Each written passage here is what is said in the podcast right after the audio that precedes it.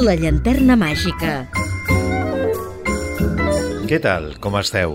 Benvingudes i benvinguts una setmana més a la Llanterna Màgica, el programa apte per tots els públics, edició número 251 des dels nostres inicis i 25 d'aquesta setena temporada. Els Òscar 2023 ja tenen noms i cognoms. Si més no, ja sabem les produccions candidates a optar als màxims guardons de l'Acadèmia del Cine de Hollywood. El titular que més destaca sobre la resta és que Todo a la vez en todas partes ha arrasat contra tot pronòstic a les candidatures. La cinta de ciència-ficció de Daniel Kwan i Daniel Shaina acumula 11 nominacions i és a priori la gran favorita. Continua la llista amb Sin novedad en el frente i Almas en pena de Inisherin, totes dues amb 9. A destacar la nova producció del rei Midas del setè art, Steven Spielberg, Los Fabelman, amb set nominacions, i el biopic del rei de Hollywood, Elvis, dirigida per Baz Luhrmann, amb vuit. Però abans d'endinsar-nos en el tema, deixeu-me que us recordi que podeu seguir la nostra activitat i escoltar els darrers programes emesos a les xarxes socials. Segueix el programa al Facebook facebook.com barra la llanterna màgica Posem a la vostra disposició una adreça de correu electrònic per si us cal contactar amb nosaltres o fer-nos arribar les vostres consultes o suggeriments. Vols contactar amb el programa? llanterna01 arroba gmail.com Ho tenim tot a punt? Doncs vinga, som-hi! La llanterna màgica, amb Jordi Terrades.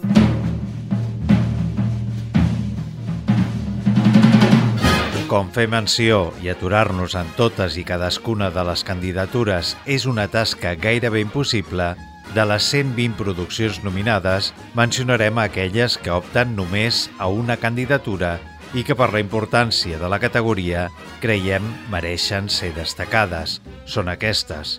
To Leslie, amb Andrea Riseborough, opta al premi a millor actriu competint en aquesta categoria amb Blonde per Anna Armas, també amb una única candidatura. Tar, de Kate Blanchett, amb 6. Los Fabelman, per Michelle Williams, amb 7. I Michelle Yeoh, per Todo a la vez en todas partes, amb 11. Aftersun opta a l'Oscar a millor actor per Paul Mescal, competint amb Austin Butler, Colin Farrell, Brenda Fraser i Bill Nighy. Cosway opta a l'estatueta a actor de repartiment per Brian Tyree Henry. Haurà d'imposar-se a Brendan Gleeson, Judd Hurst, Barry Coogan i Ki-Hu Kwang. Entre les produccions que lluiten per endur-se l'estatueta a millor pel·lícula internacional trobem Argentina, de Santiago Mitre, Close, E.O., The Quiet Girl, totes elles amb només una candidatura i Sin novedad en el frente amb nou. Cosa semblant succeeix amb la candidatura a millor pel·lícula animada, on Marcel de Shell with Shoes On, Pinocho, de Guillermo del Toro, El gato con botas, El último deseo, El monstruo marino i Red, totes només han rebut una candidatura per part de l'Acadèmia.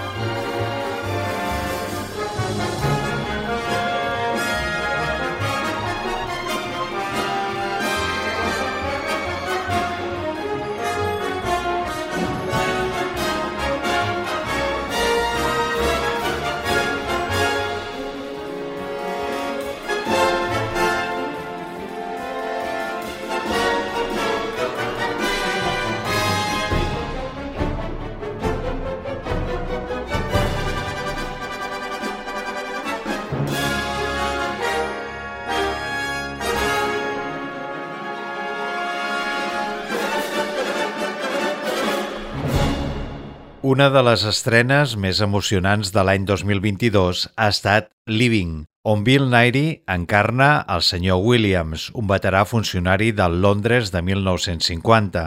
L'escriptor Kazuo Ishiguro i el director Oliver Hermanus adapten el guió d'una de les pel·lícules més recordades d'Akiro Kurosawa per traslladar-lo a Londres de la postguerra. Un Bill Nighy brillant posa el colofó a la que, sens dubte, serà recordada com a una de les grans actuacions de la seva carrera. La pel·lícula opta a dues estatuetes, la primera per reconèixer la tasca d'interpretació de l'actor i la segona a millor guió adaptat per Kazuo Ishiguro. Què fer quan no tens una veu? Quan la teva opinió no té importància? Quan ets una dona abusada durant anys sense que ningú se n'assabenti o s'atreveixi a fer alguna cosa al respecte? Aquestes són algunes de les qüestions que ens planteja Elles hablan, dirigida i escrita per Sarah Polley i basada en el llibre de Miriam Tis del mateix nom. La producció ha estat nominada en dues categories, a millor pel·lícula i guió adaptat per la cineasta. recognize who you are. Sometimes I know it's so hard, but you shine. You're a supernova superstar. They can't stop you. You're born unstoppable. Dance Know that you're remarkable. Stand up, stand up. Raise your hands up, hands up, yeah. Give yourself some applause,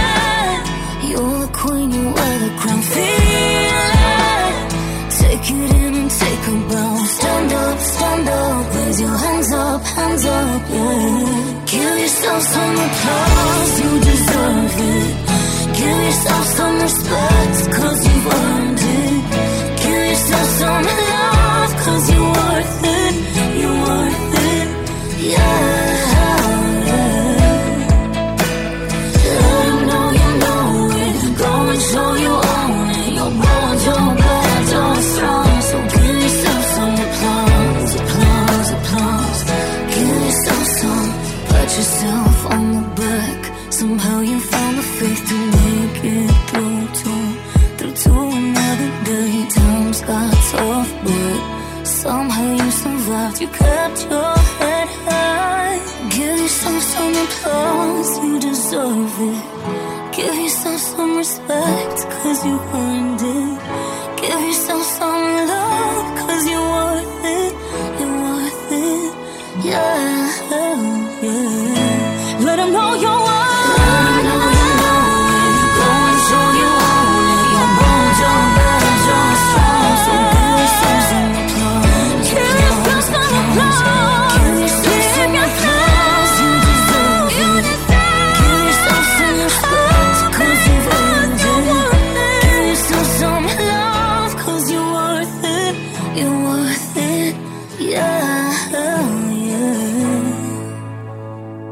El director suec, Ruben Osland, dirigeix El Triángulo de la Tristeza, una comèdia negra carregada d'ironia i molta mala llet. És la primera vegada que Osland dirigeix en anglès i això li ha permès comptar amb un repartiment internacional on la cara més coneguda per al gran públic és la de l'actor estatunidenc Woody Harrelson. Des de que el director, nascut a la petita illa de Stairso, debutés l'any 2004 amb la pel·lícula The Guitar Mongoloid, la seva carrera sempre ha anat de la mà d'importants reconeixements en alguns dels certàmens més importants del món, fent-se amb el màxim guardó en el passat Festival de Canes. Ara, El Triángulo de la Tristeza Ha estat reconeguda amb tres nominacions, millor pel·lícula, direcció i guió original. Batman ha tingut ja vàries encarnacions a la gran pantalla, des de que Adam West protagonitzés un llargmetratge que servia com a pont de la primera a la segona temporada de la mítica sèrie dels anys 60. L'any 1989 va ser el torn de Michael Keaton. Després, Val Kilmer, George Clooney, Christian Bale i Ben Affleck. Tots van arribar a enfundar-se al vestit del superheroi de Gotham. Ara ha arribat el moment de que ho faci Robert Pattinson. The Batman és una pel·lícula on Matt Reeves porta a portar el seu protagonista a un altre nivell.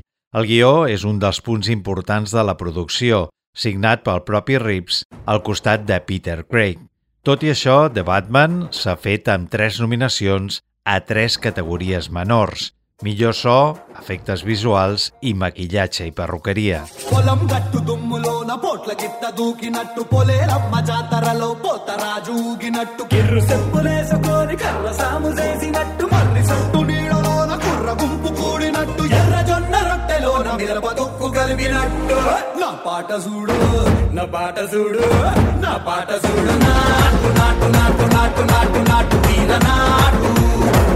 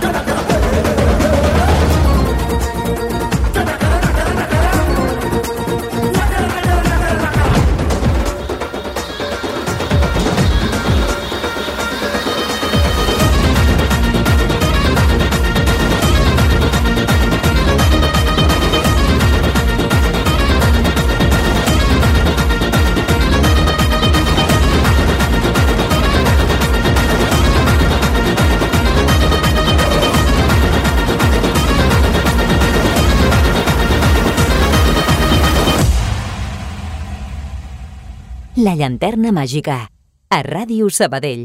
En unes altres mans, la ballena podia haver estat un desastre sense pal·liatius. Si qualsevol peça d'aquest trencaclosques que ha muntat Darren Aronofsky hagués caigut al terra, tot s'hagués esfondrat. Però d'alguna manera tot encaixa des de l'inici fins al final.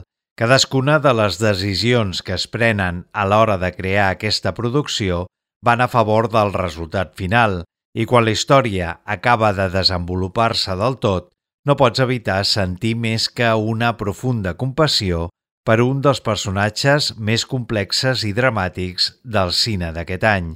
La ballena és el retrat d'un personatge interpretat per Brendan Fraser sense motius per viure, que es filagarça i es passeja dels seus fracassos acceptant i anhelant al final del seu patiment. A veure si el magnífic treball d'interpretació de Fraser el fa mereixedor de l'Oscar a millor actor pel que opta la producció, a més de el d'actriu secundària per Hong Chau i maquillatge i perruqueria. Babylon, la més recent pel·lícula del director de culte Damien Chazelle, s'ambienta en el Hollywood dels anys 20, tot just en el moment de transició entre el cinema mut i el sonor. La pel·lícula està inspirada en el famós llibre de Kenneth Anger, Hollywood Babylon, publicada l'any 1959 i que resulta un catàleg morbós i sòrdid sobre els grans escàndols de la meca del cine clàssic. Babylon ha rebut tres nominacions de l'Acadèmia, millor banda sonora, vestuari i disseny de producció. –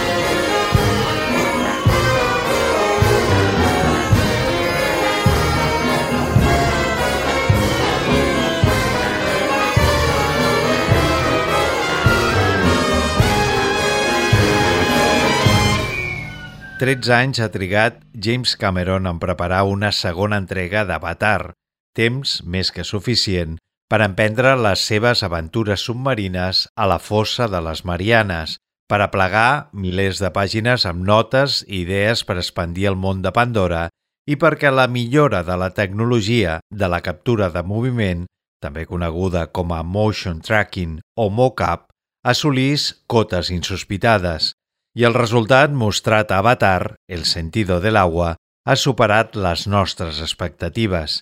Tant és així que Eric Seindon, supervisor d'efectes especials de Weta X, l'empresa encarregada dels efectes especials de la pel·lícula, ha volgut ressaltar la importància dels avenços tecnològics. Avatar 2, El sentido del agua, ha estat nominada a quatre categories, inclosa la de millor pel·lícula, i això ens porta a recordar que la seva predecessora, Avatar, va ser nominada a nou Òscar, també inclòs el de millor pel·lícula, guardó que va aconseguir els Globus d'Or, però únicament va aconseguir endur-se tres estatuetes, a millor direcció d'art, fotografia i efectes especials. Veurem si en aquesta ocasió les coses li van millor a Cameron. I don't know what you've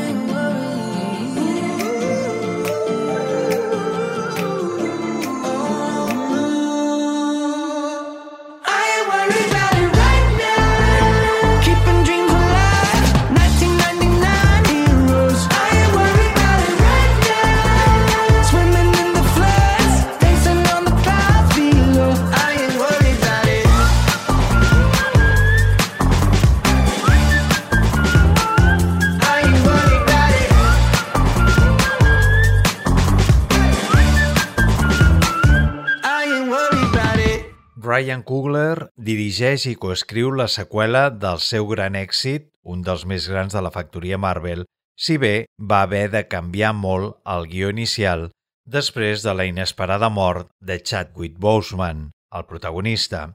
A Black Panther, Wakanda Forever, es rendeix tribut a l'actor algunes de les seqüències inicials i en un pròleg inserit a meitat dels crèdits.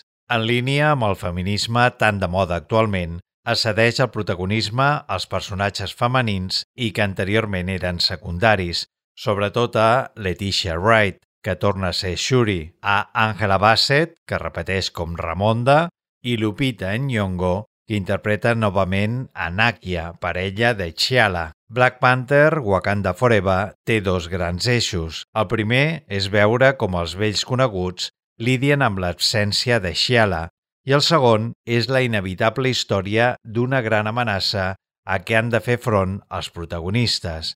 L'interès de tots dos no és el mateix, però sí que Kugler aconsegueix vincular-los de forma molt satisfactòria per donar així a la pel·lícula una major profunditat dramàtica. Els responsables de la pel·lícula han tingut molta cura en com abordaven l'absència de Boseman i el resultat és un triomf absolut, ja que en tot moment sobrevola aquesta sensació de dolor irreparable que dota a Wakanda Forever d'unes característiques úniques i difícils de reproduir. Cinc són les nominacions que ha rebut la darrera producció de Marvel, millor actriu de repartiment per Angela Bassett, efectes visuals, disseny de vestuari, maquillatge i perruqueria i millor cançó, la que escoltem a continuació, interpretada per Rihanna. Lift me up, hold me down, keep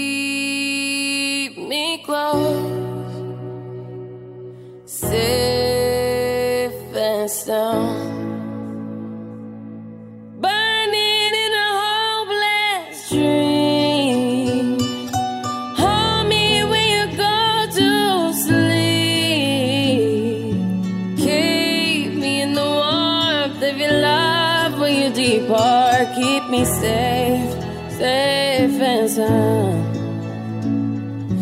Lift me up. Hold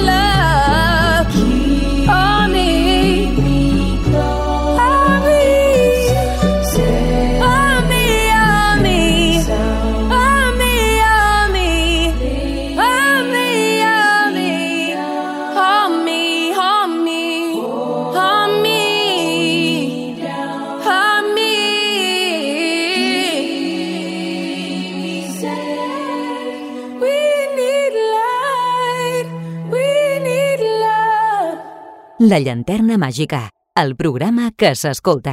Lídia Tarr és un director d'orquestra que es troba en el seu moment de màxim esplendor quan comencen a abocar-se insinuacions sobre possibles conductes sexuals il·lícites amb les seves becàries. Lídia Tarr ha arribat al més alt en un món d'homes, és lesbiana i defensora de la seva identitat sexual, però poc més sabem d'ella, sobre el seu passat, sobre com es va convertir en un referent musical, com va aconseguir assolir aquest estatus, ni si són certes o no les acusacions que la incriminen. S'acosta a la festa dels Òscar amb sis nominacions, igual que ho fa Top Gun Maverick. 36 anys després, Top Gun, la pel·lícula original, s'ha convertit en una de les millors pel·lícules dels 80 i en un títol de culte indubtable. Però les coses no van ser així anys enrere. Ara Top Gun Maverick ens torna a portar a Pete Maverick Mitchell dècades després de que es convertís en un instructor de vol a l'escola d'aviació de combat Top Gun. Hi ha consens entre les crítiques en lluar el retorn a un avió de Tom Cruise, ara convertit en un pilot real que ha entrenat a la resta del repartiment.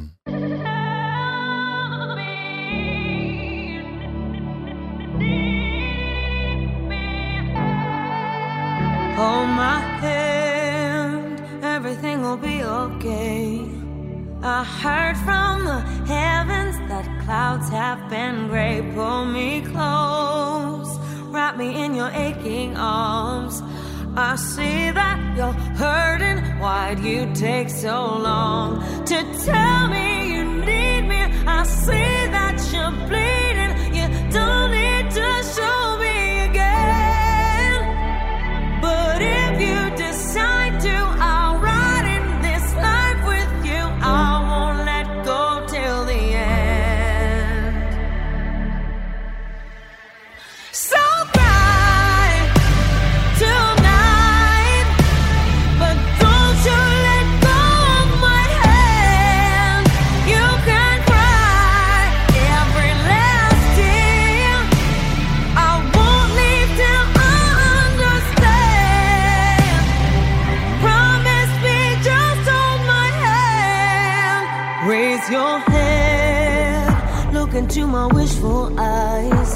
That fear that's inside you will lift, give it time. I can see everything you're blind to now.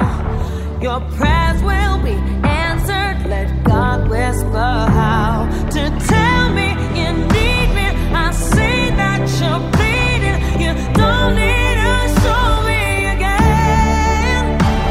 But if you decide to,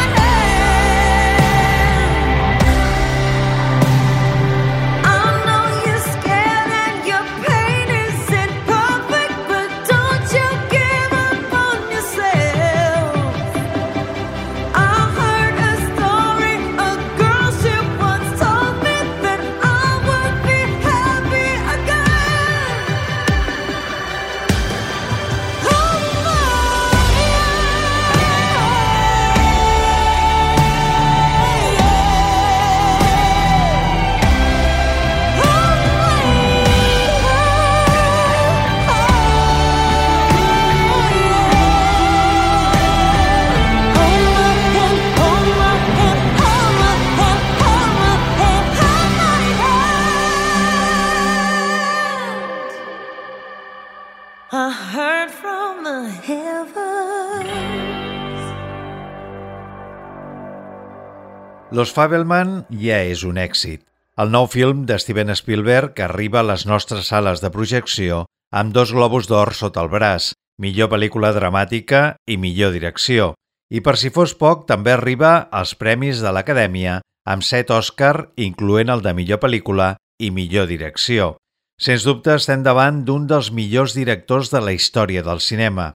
Es pot dir que no hi ha gènere que se li resisteixi, però ara ens presenta el seu film més personal amb una autobiografia dels seus primers anys de vida. A los Fabelman, Spielberg ens parla de com va néixer el seu amor i passió pel cinema, al mateix temps que ens mostra com era la seva vida durant la seva infància i joventut a Arizona. Los Fabelman va tenir la seva estrena mundial al Festival de Toronto, on va guanyar el Premi del Públic. Ambientada a finals de la dècada dels 50 i principis dels 60, el film ens presenta la història de Sammy Fabelman. Influït per la seva excèntrica mare pianista i un pragmàtic pare informàtic, el jove explora com el poder de les pel·lícules el pot ajudar a explicar històries, fins i tot en moments delicats, i construir així la seva pròpia identitat.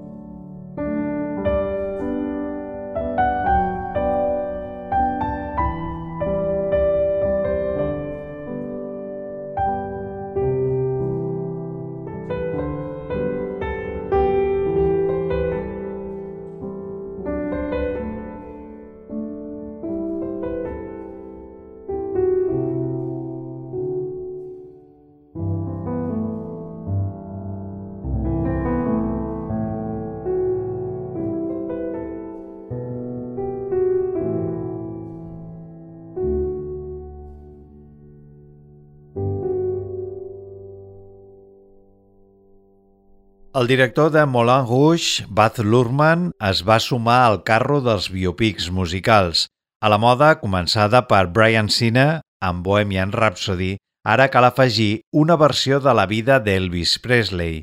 El guió escrit per un equip de quatre guionistes, entre els que s'hi troba el propi Luhrmann i alguns dels seus habituals col·laboradors, com Craig Pierce, no pretén oferir una visió completa de la vida i carrera d'Elvis Presley. Això seria gairebé impossible. Centra la seva atenció en la relació que va tenir l'artista amb el que fos el seu mànager, Tom Parker, un home que provenia del circ i les fires ambulants i que amb ulls d'un astut empresari va saber veure el diamant en brut que s'amagava al darrere d'un jove que es movia amb destresa dalt de l'escenari i del que la seva veu melodiosa feia esclatar les emocions del públic, especialment entre les dones.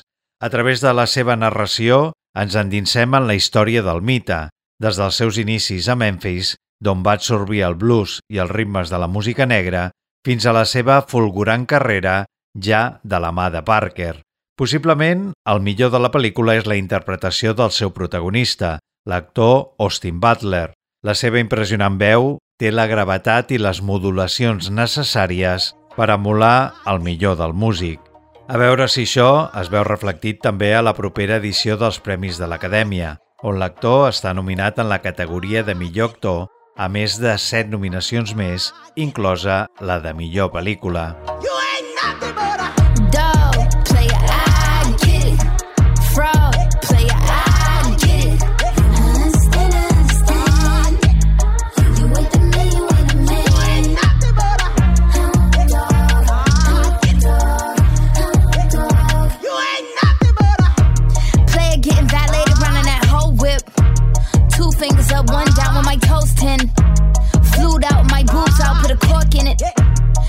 when you be crying out when I'm corseted. I don't think you gon' make it. Do not let me start raging.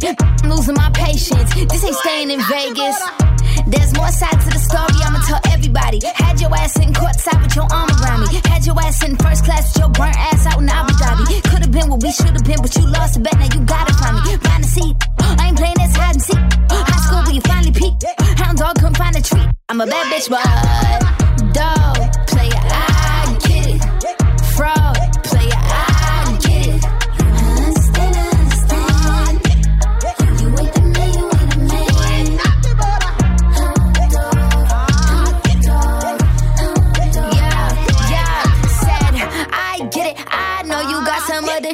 want it. I get it. You needed someone that could prove you wrong, so I reckon you leave all of your problems at the door to my city. You gon' need to tell my brothers where you from, and I admit it. I still got empathy, and you gon' feel it for two weeks when I release you in them streets and keep my meaning discreet. Keep the cleaning, my Jeep and put that Yeezy in your teeth. Let my deeds off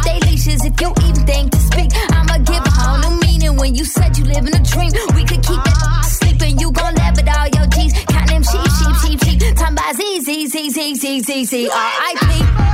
Dog,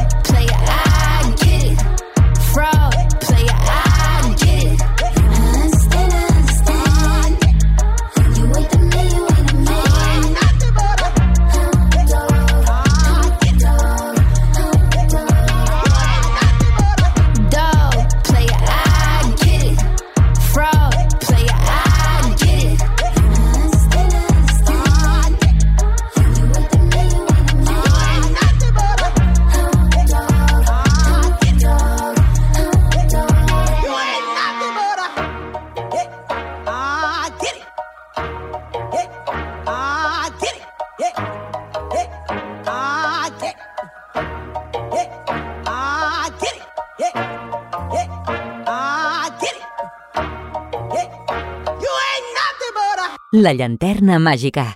Disponible a Spotify, Apple Podcast i iVox. Sin novedad en el frente és l'adaptació del clàssic de literatura bèl·lica d'Eric Maria Remarque, una obra que ha estat portada al cinema en dues ocasions més, La pionera, de 1930, de Louis Milestone, i la producció per a televisió de 1979, dirigida per Delbert Mann. En aquesta ocasió, el que es posa darrere de les càmeres és l'alemany Edward Berger, que aconsegueix un producte poderós e impactant, un al·legat contra la barbària a l'alçada moral de les millors creacions antibelicistes de la història.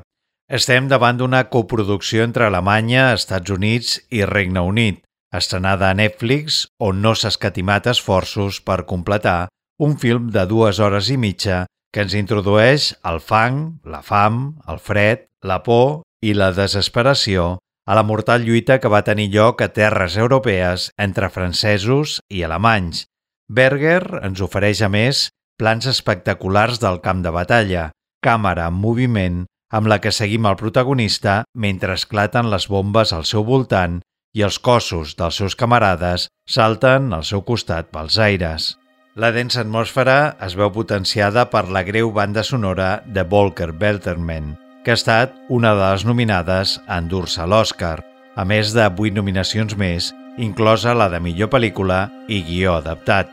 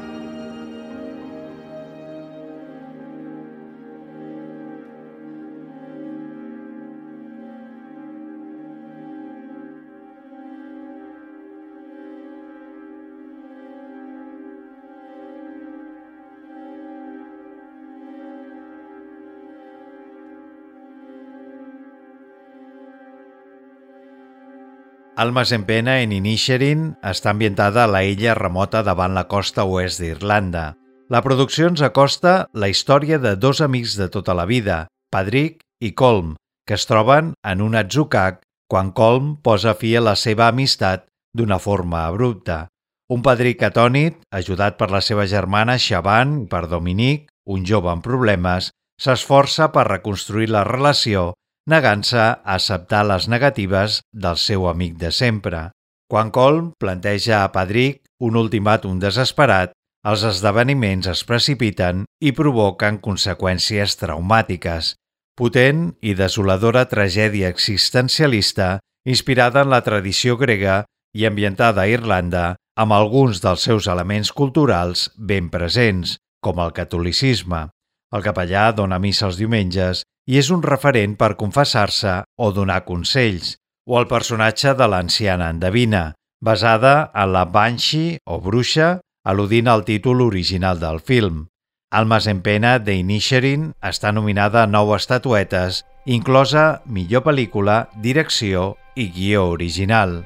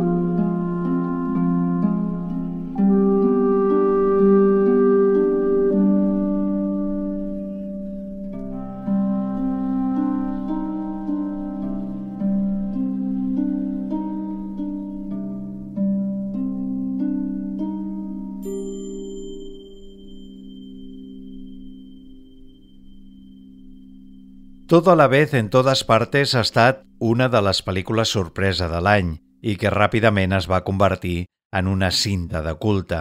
Les 11 nominacions als Oscar 2023 confirmen el que els cinèfils ja deien, i és que sembla que és època de multivers, de noves realitats, de línies alternatives, de bogeria i del tot està permès.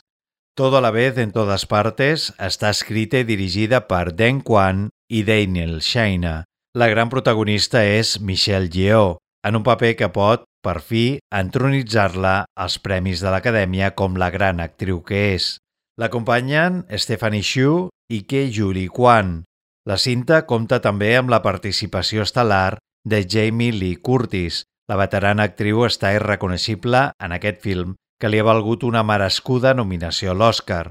De fet, tots quatre protagonistes estan nominats.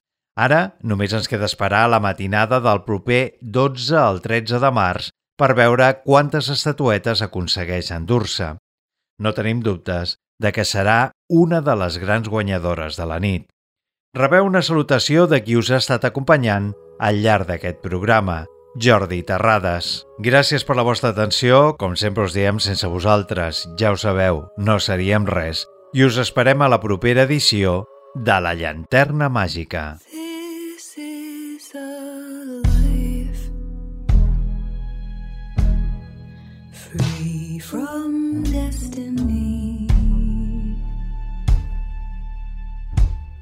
Not only what we sow,